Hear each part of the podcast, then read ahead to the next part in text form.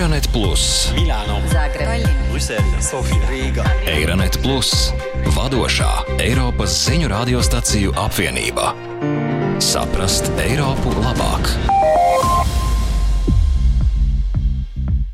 Labdien! Mēs tiekamies kārtējā Euronet Plus Green Deal jeb zaļā kursa podkāsta epizodē. Šajā podkāstā kopā ar kolēģiem no Eiropas aplūkojam to, kā mēs, eiropieši, varam ietekmēt tā dēvēto zaļo pāreju, ko Eiropas Savienība ir uzsākusi. Šoreiz runāsim par inovatīviem materiāliem kurš gan nav mēģinājis vizualizēt mūsu nākotnes mājas, kurš gan nav redzējis spīdīgu nākotnes ēku attēlus ar to zinātniskajai fantastikai līdzīgajām formām, zaļajiem jumtiem un pārpasaulīgām tehnoloģijām. Nākotnes mājas un ierīces ir mūsu iztēles auglis, taču katrs progresa aspekts sākas no mazākā idejas iedīgļa. Šodienas idejas ļaus nākotnes pasaulē reaģēt uz notiekošajām klimata, vides un enerģētikas krīzēm. Lai gan mēs nevaram paļauties tikai uz tehnoloģiju burvību, lai lietas mainītu, lielas pārmaiņas dažreiz var radīt neliela inovācija. Šoreiz Euronet Plus žurnālisti tiekas ar Eiropas dizaineriem, arhitektiem un citiem radošiem prātiem. Itālijā tiekamies ar Madalēnu Selvīnī, jaunu dizaineri, kura stāsta par savu darbu saistībā ar to, ko mēs parasti saucam par atkritumiem. Viņa stāsta kolēģiem no Radio 24, ka jebkuru materiālu var pārveidot par jēgpilnu un ilgmūžīgu objektu, ja vien ir mazliet iztēles un mīlestības. Oltre a, a questa questione legata proprio ai materiali. E... Mana ideja ir tāda, ja jūs veidojat jebkuru objektu ar lielu rūpību, tad šis objekts tiek uzskatīts par laba dizaina piemēru un tā stāsts tiek izstāstīts noteiktā veidā. Tas iegūst vērtību un līdz ar to var tikt nodots arī no vienas paudzes nākamajai. Kļūst grūtāk to izmest, nepadomājot par to divreiz, atšķirībā no tām lietām, kas nonāk mūsu iepirkumu ratiņos un kuras patiesībā mums nekad nav bijušas bijušas vajadzīgas. Tātad gan kā dizainerim, gan arī kā patērētājam. Tas ir mans domāšanas veids. Savukārt modes dizainers un Lietuvas Kaunas Tehnoloģiju universitātes pasniedzējs Čestutis Ļeketsks skaidro kolēģiem no Ziniju radies, ka viņa videi draudzīgā vīriešu uzvalku līnija radusies no vēlmes atrast pielietojumu auduma atgriezumiem, kas neizbēgami tiek izmesti radot jaunus apģērbus. Buvo tokia idėja, mes gaminam iš augščiausios kokybės. Tā kā mēs izgatavojam savus uzvalkus no augstākās kvalitātes certificētas vilnas, kas ir patiešām lielisks audums, vienmēr paliek pāri lielāki vai mazāki materiāla gabali. Ir svarīgi atzīmēt, ka modes industrijā apmēram 20% materiāla paliek pāri griešanas procesā. Ja mēs sasniedzam 80% izmantošanas līmeni, tas tiek uzskatīts par pietiekami labu, bet mēs nevarējām izmest šos atgriezumus, tāpēc mēs tos savācām un uzglabājām. Līdz kādu dienu mums bija jāizlemj, ko darīt ar šiem atkritumiem. Tika pieņemts lēmums izveidot atsevišķu produktu kolekciju, un vēlāk šī kolekcija izauga par līniju. Tagad mums ir atsevišķa ilgtspējīga līnija, kurā visus ražošanas atkritumus izmantojam jaunu produktu radīšanai. Mēs nevaram teikt, ka esam nonākuši līdz pilnīgam zero waste, taču mēs izmantojam visus lielākos atkritumus, veidojot jaunus produktus. Bet jau visas didžiasias atliekas pilnai sunaudojant, kuriant naujus dizaino gaminius. Tikmēr ilgspējīgas modes dizainere un Igaunijas Mākslas akadēmijas vecākā pētniece Rēta Ausa kolēģiem no Kuku radio stāsta, ja vēlamies samazināt saražotā jaunā auduma daudzumu, mums ir jāspēr solis tālāk. tuleks tegeleda aktiivselt sellega, et mida me üldse turule paneme, milliseid tooteid me loome. Mums vispirms aktīvi jārisina tas, ko mēs laižam tirgū, kādus produktus mēs radām, kāda veida dizaina izglītība mums ir, kādus dizainerus mēs apmācām un vai vai viņi var radīt uz dzīves ciklu balstītus produktus. Mēs spējam izgatavot simtprocentīgi otrais pārstrādājumus apģērbus, kur pat sprādze ir izgatavota no tā paša materiāla. Būtībā jūs varat paņemt šo produktu, izspiest to cauri cauruli un no otra gala iznāk diegs. Viskoze ir viens piemērs, naftas bāzes šķiedras ir vēl viens. Ja mums tie jau ir, mums tie ir jāsavāc, un daudzus no tiem var atkal un atkal pārstrādāt. Ar to arī būtu jāsāk. Jāizstrādā monomateriāli, kurus varam paturēt apritē. Vilna ir materiāls, ko varam paturēt apritē, jo tās šķiedras ir izturīgas. Taču, protams, nākotne ir ķīmiskā pārstrāde un viskozei līdzīgi materiāli. aga noh, kindlasti see keemiline ümbertöötlus on, on tulevik ja, ja sellised viskoosilaadsed laadsed materjalid on ka tulevik. Bet paskatīsimies tālāk par modi. Tiem, kas projektē nākotnes mājas, ir galvenā loma mūsu ilgtermiņa ietekmes uz dabu samazināšanā.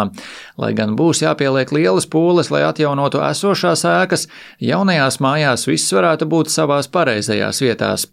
Pēters Dikaus, pilsētplānošanas institūta izpildirektors un iepriekš Sofijas pašvaldības galvenais arhitekts, Bulgārijas kolēģiem no BNR stāsta, ka energoefektīva arhitektūra ir loģisks jēdziens, kas patiesībā ir krietni senāks par elektrību, apkuri un dzēsēšanas sistēmām. Loštūt, uh Kopš seniem laikiem cilvēki ir pielikuši nopietnas pūles, lai celtu savas ēkas tādā veidā, lai taupītu enerģiju. Šajā ziņā ir stabilas tradīcijas.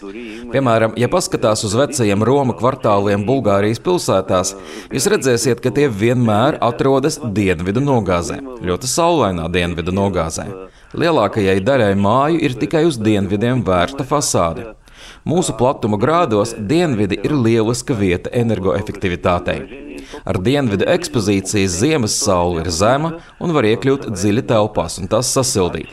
Savukārt vasaras saule ir augstu, un ar dienvidu atsegumu telpās gandrīz neieplūst, proti nav nepieciešama dzēsēšana. Šis dizaina princips nav jauns. Tieši šis projektēšanas princips ir Somijas būvniecības uzņēmuma Lamin Betonī Oi darba pamatā. Uzņēmums organizēja projektu konkursu, koncentrējoties uz zema oglekļa satura būvniecību. Tā mārketinga direktors Markus Sinkilainens Somu kolēģiem skaidro, ka projektējot nākotnes māju, ir svarīgi ņemt vērā ēkas dizainu, apkopi, darbību un veiktspēju visos gadalaikos un visā tās mūža laikā. Tuntuu vähän niin kuin, että melkein kaikki Daudzi cilvēki domā, ka zemes oglekļa emisiju līmenis būvniecībā attiecas tikai uz būvmateriālu radītajām emisijām būvniecības posmā, taču patiesībā lielāko daļu ēkas oglekļa pēdas rada tās izmantošana. Tāpēc mēs domājam, ka mums ir jāprojektē ēkas, kas kalpo pēc iespējas ilgāk. Piemēram, jādomā, vai ēkas konstrukcijas ir daudzveidīgas un sarežģītas vai vienkāršas. Tādā gadījumā tās paliek operatīvākas un ir vieglāk kopjamas. Un Somijā ir jādomā, piemēram, kādas ir mājas dzegas, lai fasāde paliktu maksimāli aizsargāta. Sadzīves tehnikas apjoms ir pieaudzis, un ja māja kalpos nākamos simt gadus, tas turpinās pieaugt arī nākotnē. Tas jāņem vērā plānošanas stadijā, lai mājā būtu pietiekams tehniskais apjoms. Somijā kā sekundārais siltuma avots ir svarīgs kamīns. Projektējot, ir svarīgi ņemt vērā arī sauli un gaismu, lai ēka pārāk nesakarstu un vasarā būtu ēnojošas konstrukcijas. No otras puses, kad pavasarī un rudenī saule spīd zemāk, šī gaisma un siltums ir jāuztver caur ēku un logiem. Tāpat ļoti svarīgi projektējot ilgmūžīgas mājas, padarīt tās maksimāli pielāgojamas, lai tās atbilstu dažādu ģimeņu un dzīves posmu vajadzībām. Siihen oikeasti kerkeä kiinnittää huomioon. Savukārt Matevs Granda, kurš runā ar mūsu kolēģiem no RTV Slovenija, ir Slovenijas žurnāla Outsider publicists. Žurnāls veicina izpratni par arhitektūru un telpu. Granda norāda uz pieaugošo tendenci celtniecībā atgriezties pie dabas un dabīgiem materiāliem. Kar spremljamo na evropski ravni, so na ravni Eiropas līmenī mēs redzam, ka arhitekti un būvniecības nozare sāk interesēties par dabīgiem materiāliem. Šeit notiek izrāviens, kur procesi un metodes tiek optimizētas, un es domāju, ka tas ir ceļš, kurā mēs ejam nākotnē, jo arvien vairāk ekspertu apzinās problēmas, ko rada mūsu iejaukšanās dabā. Tehnoloģijas mainās tā, ka videi draudzīga būvniecība kļūst arvien ekonomiski konkurētspējīgāka, bet galvenokārt videi draudzīgāka, vienlaikus piedāvājot augstu dzīves līmeni 入了 visoko kakovost bivanja. Lai gan tā var būt tendence Slovenijā, tā nevienmēr ir visur. Tā stāsta Balāšs Čelešķeņī, Ungārijas godalgotās ilgspējīgās arhitektūras studijas Hello Wood dizainers. Viņš uzskata, ka apmācība ir galvenais, lai to mainītu. Pēc mūsu pieredzes vidē draudzīgi un dabiski materiāli Ungārijā joprojām nav īpaši izplatīti. Tālāk uz rietumiem tie arvien biežāk kļūst par būvniecības ikdienas sastāvdaļu. Siltumizolācijai izmantojam daudz plastmasas, un mūsu būvniecības tehnoloģija balstās uz dzelzbetonu.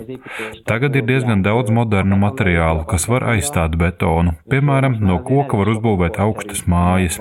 Šajā valstī likumdošanas vide šiem jaunajiem materiāliem vēl nav labvēlīga, un mums ļoti trūkst profesionāļi, kas būtu tajos specializējušies. Mums nav daudz ekspertu, kas zinātu, kā veidot dizainu, izmantojot šos materiālus. Lietas mainās, un dažas no šīm izmaiņām varētu tikt pātrinātas. Labā ziņa ir tā, ka šie risinājumi kļūst arvien modernāki, arvien vairāk cilvēku pieprasa koku konstrukcijas un dabisko izolāciju. Apmācībām šajā jomā ir jāpiešķir prioritāte. Komoly figyelmet kéne szentelni ilyen téren is. Lai gan šīs arhitektūras attīstība var šķist diezgan pašsaprotama, joprojām pastāv daudz šķēršļu ilgspējīgāko ēku attīstībai. Viens no tiem ir likumdošana, un to intervijā Latvijas radio stāstā arī Rīgas Tehniskās Universitātes inženierzinātņu profesore Diana Bajāre.